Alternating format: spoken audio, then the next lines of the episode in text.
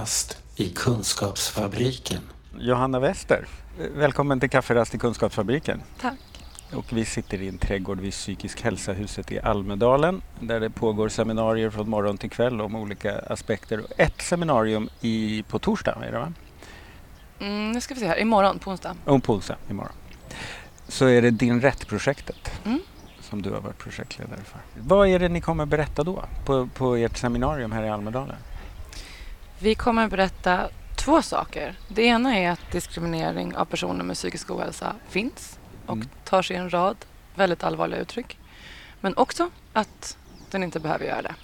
Och ge våra upptäckter och verktyg och rekommendationer och material för hur man kan arbeta vidare och på sikt, i ett i alla fall visionärt perspektiv, eh, stoppa diskrimineringen Mm. av personer med psykisk ohälsa.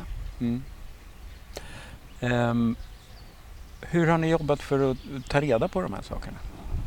Ja, om man ska leva som man lär inom NSPH så ska man ju nästan inte göra någonting utan att lyssna in den det berör helt enkelt. Vi pratar ju mycket om brukarinflytande och brukardelaktighet och så. Så en, en väldigt viktig del har varit att lyssna in. Hur, hur ser problemet med missgynnande ut för personer som själva eh, lever med psykisk ohälsa eller är anhöriga till någon som gör det och dessutom har upplevt just vad de ser på som diskriminering. Så mycket sånt, att, att träffa den här gruppen på olika sätt, eh, att, att arbeta utifrån förstahandsupplevelser. Och jag återkommer till ordet upplevelse, för själva lagrummet kring diskriminering är ganska snävt. Mm. Och vi blev ju snabbt medvetna om att problemet är att så många känner sig ovälkomna i samhället. Och sen kan det bevisas ibland och det går inte att bevisa ibland. Men det är sekundärt. Det viktigaste är att problemet är så pass stort. Sen finns det hårresande fall på rent så att säga, rättslig diskriminering också. Mm. Men det största problemet är att det blir ett stort gap mellan individen och samhället när det finns ett ömsesidigt brist på förtroende. Ja, just det. För att för samhället är ju inte skadan bara att det är något har brutit mot lagen utan det stora problemet för samhället är att många känner sig illa behandlade. Oh ja, och det får massa konsekvenser. Ehm, vi vet exempelvis att det är inte jättenära till hands att söka upp vården exempelvis om man vet att man kommer få ett sämre bemötande där än andra får. Och det visar forskning från Socialstyrelsen. Det är ett faktum, det är ingen åsikt. Ehm, och vad gör det då exempelvis med eh, människans livslängd? Personer med allvarlig psykisk ohälsa lever ju 15 till 20 år kortare än andra. Och det här hänger ju intimt ihop naturligtvis Mm. och så vidare. Men, men vad gäller hur vi har arbetat i projektet så har vi försökt att både använda hur ska man säga, örat och munnen, att både lyssna och prata, lyssna och prata Mm. så att vi hela tiden också paketerar vidare och kommunicerar vidare vad vi hör och vad vi lär oss och vad vi upptäcker. Så vi har tagit fram olika typer av material och gärna då har vi tänkt att det ska vara väldigt olika typer av tilltal. Så vi har en inspirationsskrift som jag hoppas är rolig att läsa. Mm. Alltså lättläst, ehm, intressant och, och färg, färgstark. Och vem vänder sig den till? Allmänheten Mm. och den som inte är bekant med frågan. Medan vi har en eh, systematisk kunskapssammanställning som sätter upp tio års forskning där vi kanske använder ett något mer fackmässigt språk och ehm, försöker att också bli mycket mer av, av kravställande. Det. Det ena handlar om att inspirera och uppmuntra och ge en sorts ja, men, känslomässig ja, så klapp på axeln. Att nu, nu tar vi en dag till. Liksom. Mm. Men eh, när, när vi vänder oss till makthavare, vilket vi också behöver göra, då är det ju snarare kom igen nu hörni. Ja, just det. Så här ser det faktiskt ut. Det, Ja, ja. det kan vi se här. ja Mm. det är dags idag liksom, att förändra det här. Mm. Ni har ju haft också en eh, rådgivningstelefon. Mm. Där ni har fått en massa samtal. Japp, Vad har de- 450. Vad har de handlat om? Ehm, en rad saker. De flesta som har vänt sig dit är just personer med egen erfarenhet av psykisk ohälsa men också anhöriga, personliga ombud, gode män, yrkesverksamma och så. Och det har rört alla samhällsområden och vi vet att diskrimineringen finns inom alla samhällsområden. Och då snackar vi utbildning, ekonomi, arbetsliv, vård som är somatisk eller psykiatrisk och så vidare. Diskriminering i sig, lagen, täcker Mm. ju inte privatlivet. Men Nej. vi pratar ju också väldigt mycket om fördomar och myter och sånt. Men i vilket fall som helst, i rådgivningen just så har det kommit in ganska mycket frågor om just ens rättigheter i olika väldigt specifika situationer. Mm. I projektet har det varit jag, Johanna, em, och min, mina briljanta kollegor Nicole Wolfer och Karin Forsberg Mm. som varav dem så är det Nicole som har bemannat rådgivningen och jag har alltid tyckt så mycket om att höra henne svara på de, de frågorna. För att det är så tydligt att det här är en människa som möter en annan. Mm. Och det finns alltid någonting man kan göra. Mm. Att stötta. Om det är någon person som tar mod till sig att höra av sig för att berätta att det här känns inte rätt. Då är det viktigt att möta någon som bjuder in där på något sätt. Ja. Ja, visst, och visar på en eller annan framkomlig väg. Och en sak av ganska många som har ja, provocerat mig, för att tala klarspråk, det är att det är väldigt få som anmäler sina upplevelser av diskriminering eh, på grund av Mm. psykisk ohälsa av, av en rad anledningar och vad som provocerar där tycker jag är att det, det är berättigat alltså. Det är jättesvårt att få igenom en anmälan. Alldeles för svårt. Diskrimineringsombudsmannen driver inte ens en procent av alla ärenden de får in. Och det är väl helt okej, men ingen annan gör heller det. Nej. Om, om nu DO inte ska driva den enskildes ärenden, då måste exempelvis antidiskrimineringsbyråerna få resurser för det. Mm. Vad är en antidiskrimineringsbyrå? Ja, det... Jag har ställt den frågan till ganska många publiker och frågat så här, hur många här har hört talas om en diskrimineringsbyrå? Och de flesta räcker ju inte upp handen. Nej. Men det finns eh, 16 stycken runt om i Sverige och de är en del av civilsamhället kan man säga. Där drivs enskilda ärenden på ett sätt som man väl kanske tror att de gör hos DO. Och eh, man kan tyvärr inte få mer än ungefär 25 000 mig veterligen om man nu är en av dem vars ärenden de drivs. Däremot är det mycket troligare att man får hjälp av dem enligt min erfarenhet än någon annanstans. För Mm. de, ja, men de är redo med jurister och Var får de sina pengar ifrån? Eh, Från kommuner och Mycket landsting? så, eller? pengar. Ja, dels det. Absolut. Och också från ja, och My- Myndigheten för ungdoms och civilsamhällesfrågor. Jag vet att Röda Korset hade en exempelvis och så. Mm. Men som så många andra verksamheter, inklusive vår egen, är de beroende av finansiering ett år i taget. Mm. Och det här tror jag verkligen är ett problem i vår business av mänskliga rättigheter. Att det är jättesvårt att ägna sig åt långsiktighet. Mm.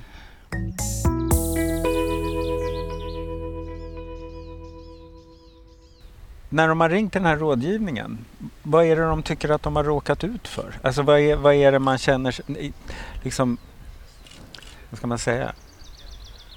Vem är det man tycker har varit taskig? Eller, Ja. eller vi- vi- vilka, liksom, i vilka situationer är det man känner sig eh, orättvist behandlad? Ja, tyvärr är det väl egentligen alla tänkbara. Det kan vara ens rättigheter inom socialtjänsten som verkar väldigt godtyckliga och ehm, att man inte får de stöd man helt uppenbarligen behöver. Personer kan då ha ringt om att de är på väg att bli uppsagda för att chefen har fått nys om att de har en diagnos som de inte tycker är lämplig för arbetsplatsen trots att vederbörande inte alls nödvändigtvis har betett sig fel på något Mm. sätt utan det är som en princip. Jag blev kontaktad av en kvinna som hade velat åka som au pair, en ung tjej. Hon ville åka som au pair och fick frågan i enkäten, har du någon sjukdom vi bör känna till? Och nämnde då att hon levde med ADHD, vilket jag tycker redan det var väl mer än man hade behövt Ja, berätta. det är ju ingen sjukdom. Och dessutom, Mm. ja precis, nej det var. Mm. Och, men det var verkligen upp till henne att göra det naturligtvis. Men då ringde, de, då ringde hon eh, au pair-förmedlingen och frågade blir det här bra att jag skriver det här? Då sa de vi ringer upp om en liten stund och så gjorde de det och sa vi tillhandahåller inte den här tjänsten för sådana som dig. Och den typen av situationer finns det så gott om tyvärr. Och, och i det här fallet så behövde hon bara, och nu gör jag sådana här fjantiga Mm. citationstecken, att hon behövde bara gå miste om att åka som au pair. Men vi vet ju att det finns de som går miste om livsnödvändig medicin eller att inte få opereras trots en bristande blindtarm för att eh, de underskattas eller nästan avsiktligt missförstås eller inte välkomnas. Inte, Det är, De får ditt- en- det är nog din psykiatriska diagnos. exakt, de får en remittering till psykiatrin fast de har en helt uppenbar fysisk alltid, bakom. ja. Ja. det, det är vansinne. Ja. Ja, det blir ju förstås så att är du en person i, med behov Mm. som man tänker att det här samhället kanske skulle kunna göra något. Mm. Då är det ju framförallt, alltså de, blir du illa behandlad där så är ju det en enorm kränkning. För det handlar ju om saker som är kanske livsavgörande för mig Oh, eller som ja. handlar om hur jag ska orka hålla hoppet uppe i mitt liv. Visst. Och det här är ju, de saker man behöver är ju väldigt grundläggande ofta som människa. Det är tak över huvudet, det är en och annan kompis, det är lite mat och någon typ av sysselsättning. Alltså det är inte kärnfysik liksom. Och man, har Nej. inte, man behöver inte ligga med en, med en eh, paraplydrink på Bahamas utan man vill ha ett drägligt liv. Och om man då inte får hjälp från ja, men, socialförsäkringssystemet eller socialtjänsten eller vad det nu må tänkas vara. Man får inte jobba fast man både kan och vill. Det finns ingen som inte skulle drabbas hårt av det. Mm. Så det får ju inte bli så att strukturen är problemet. Nej, Och det är så nu, anser jag. Mm. Kafferast i Kunskapsfabriken.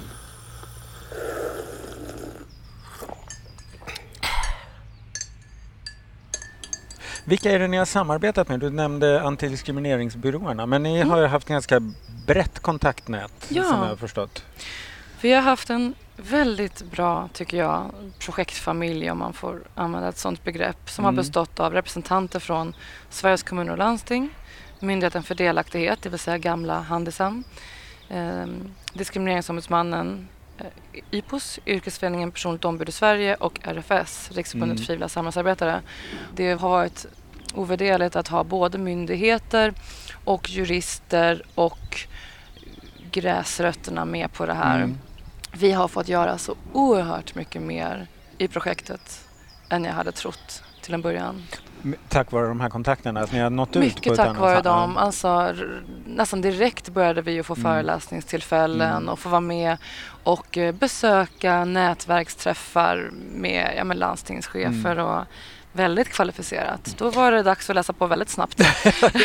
Ja, och det för mig in på nästa fråga. Eh, Du hade ju inte jobbat med psykiatri eller psykisk hälsa-frågor Nej, förut. inte alls. Jag Utan var vad, helt var- novis. vad var det hade du gjort? In, vad hade du för, på din record innan? Ja, jag hade ju jobbat det roliga är att det första jag kommer att tänka på är men jag jobbar ju i en videobutik.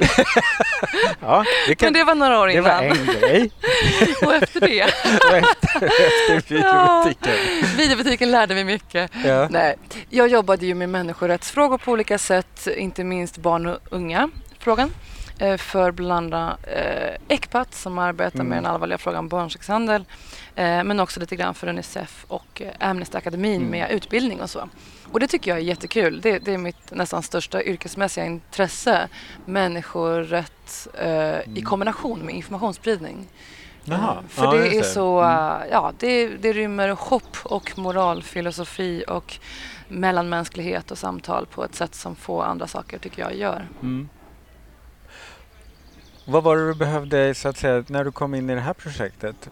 S- vad slogs du av då? Alltså kände du igen området? Kändes det som något du sa att det var läge att läsa på fort här nu. Ja. Vad var det du fick läsa på? Ja, nej men på ett sätt rubb och stubb och det var väl också det som var en del av problemet. Jag tror att en sak som jag kanske tänkte är hur kan vi som samhälle inte veta de här sakerna ännu? Mm. Hur är det möjligt, och det här tänker jag än idag, hur är det möjligt att diskriminering i samband med psykisk ohälsa överhuvudtaget inte är kartlagt? Mm. Vi har ju börjat på det sätt man kan med tre personer på tre år med att sätta ord på saker och ting och, och identifiera det här och belysa det. Men man kan ju inte göra så. Vi kan inte flytta fram positionerna. Det krävs ju politiska Mm. stora beslut och där har vi rekommendationer för all del på vad man bör göra. Mm. Men jag hade nog trott som ja, medborgare och skattebetalare att det här var ett beforskat område men det var det ju Ja, inte just för fem öre. Nej. Nej, det, det är ju faktiskt anmärkningsvärt. Det kan jag förstå. Ja, det är en del av de sakerna som Ja. vi har som rekommenderade åtgärder. Så den här kunskapssammanställningen som ni har gjort, det är Mm. liksom den enda i sitt slag egentligen? Yes, eh, det är en Mm. systematisk sammanställning från de senaste tio årens då. forskning Mm. inom olika ämnen som tangerar frågan diskriminering i För då, då har ni både tittat på hur ser diskriminering ut Mm. Och hur kan man jobba mot diskriminering också? Eller? Precis. Ja. Både statistik och personliga historier. Frågor man kan ställa sig själv efter varje kapitel som då tillhör ett samhällsområde. Mm. Jobbar du i vården? Har du ställt dig själv de här tre frågorna? Mm. Och där var ju du inblandad verkligen i att ta fram hur, hur frågar man sig själv vad det är man inte vet? Ja, just det. Och det här blir ju en psykologisk aspekt Ja. i sig själv. Alltså hur arbetar man på ett konstruktivt sätt med det här? För att ingen vill diskriminera. Det är en sån här Mm. mening jag har sagt hur många gånger som helst. Ingen Mm. vill diskriminera, det är självklart. Mm. Men det är ingen som säger det är jätteviktigt att ni inte diskriminerar. Nej. Eh, ni måste ha koll på det, att Mm. ni inte gör det. Visst, verkligen. Och det, är det, ing- det uppdraget är det ingen som har. Utan det är mer så här, nej men det är självklart att man inte ska, så det, för- det ska vi ju inte göra. Precis. Och då blir det ju liksom att i, i all den där välmeningen då så, så behöver man inte göra något. Nej. Hur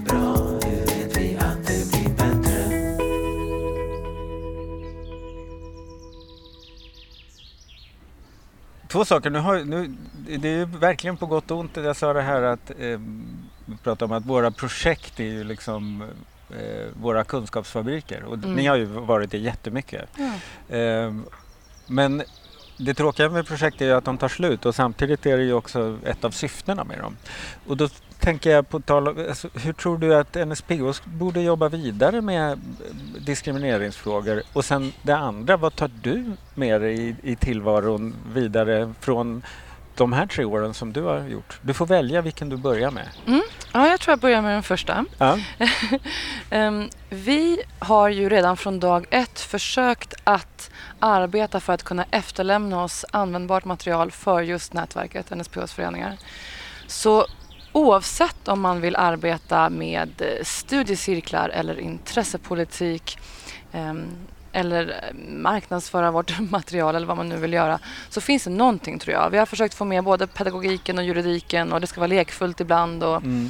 så det snabba svaret är man kan titta på nsph.se och se vad, vad vi efterlämnar då. Det som heter Din rätt-paketet kallar vi det. Mm. Och där finns allt. Där finns länkar till vår stora webbportal som Mm. egentligen tar vidare arbetet på, på flera olika sätt. Och den vänder sig inte bara till brukarföreningar och folk som känner sig, utan den vänder sig till verksamheter. Alltså den kan alla, visst, hämta allting från makthavare till Ja. eh, ja, tjänsteman eller handläggare, vad det än är egentligen, eller privatperson, så ska man kunna få minst den hjälp där som rådgivningen gav och, och mer än så faktiskt. Men, men också att ehm, vi vill ju verkligen skicka med alla de här rekommendationerna som vi har och som också hittas på hemsidan. Mm. Alltså hur arbetar vi specifikt med att öka samhällsstödet? Hur ökar vi tillgängligheten som idag brister på många olika myndigheter och, Mm. och vårdgivare och så vidare? Ehm, hur ökar vi kunskapen alltså? Kompetensutvecklingen måste upp på så många nivåer. Mm. Eh, både nationellt men också i specifika verksamheter och inom vårt eget nätverk. Vi måste alla kunna det här. Mm. Och det är ganska Det är inte helt saker. enkla frågor heller. Alltså det är väldigt enkelt att känna om jag känner mig orättvist behandlad. Men att, för, att driva frågor om diskriminering är rätt, kan vara rätt komplext. Mm, Särskilt ju närmare lagstiftningen du försöker komma desto mer petigt blir det ju. verkligen, verkligen. Mm. Men, men sådana saker så som allt som rör det preventiva egentligen Mm. kan man göra. Ja. Vid, vid en viss punkt är det ju bara lagstiftare som kan förändra lagen Mm. och så vidare. Men eh, att, att kämpa för att eh, högskoleutbildningar exempelvis, Mm. yrkesutbildningar utbildar alla relevanta grupper i lika rättigheter för personer med psykisk Mm. ohälsa. Det är, jag vill inte säga enkelt, men Mm. Låt oss börja. om. Nej, nej, det där finns det. ingenting att vänta Och på eller att lägga på någon alla annan. som jobbar i någon verksamhet där man ska stödja personer med psykisk ohälsa kan tänka det är jätteviktigt att vi inte får folk att känna sig illa behandlade. Verkligen. Och det viktigaste man behöver veta i en verksamhet det är vad tycker de som ska använda den Mm. om den. Mm. Alltså om socialtjänstens användare tycker att de blir missgynnade och inte får hjälp. Ja, men då, I sådana fall ska ju socialtjänsten inte ens finnas. Då funkar ju inte det. Då får man ha en annan lösning. Och du själv då? Just det, den frågan ja. ja. Ja, den, den lilla Ja, frågan. den lille. Eh, vad jag tar med mig? Ehm, ja, att mänskliga rättigheter är precis så roligt som jag trodde och Mm. tänkte och tyckte innan. Att det finns hopp. Att det finns hopp. Ehm, att samarbete räcker längst. Mm. Ehm, att det är en lång väg kvar, men den är långt ifrån omöjlig.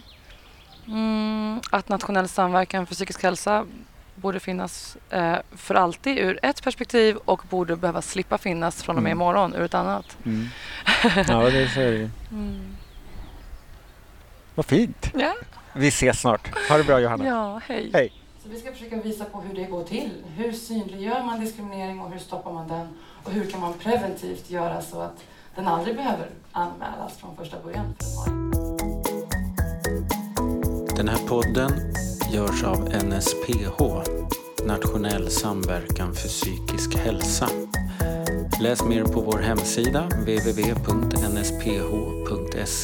eller följ oss på Facebook, Kafferast i Kunskapsfabriken.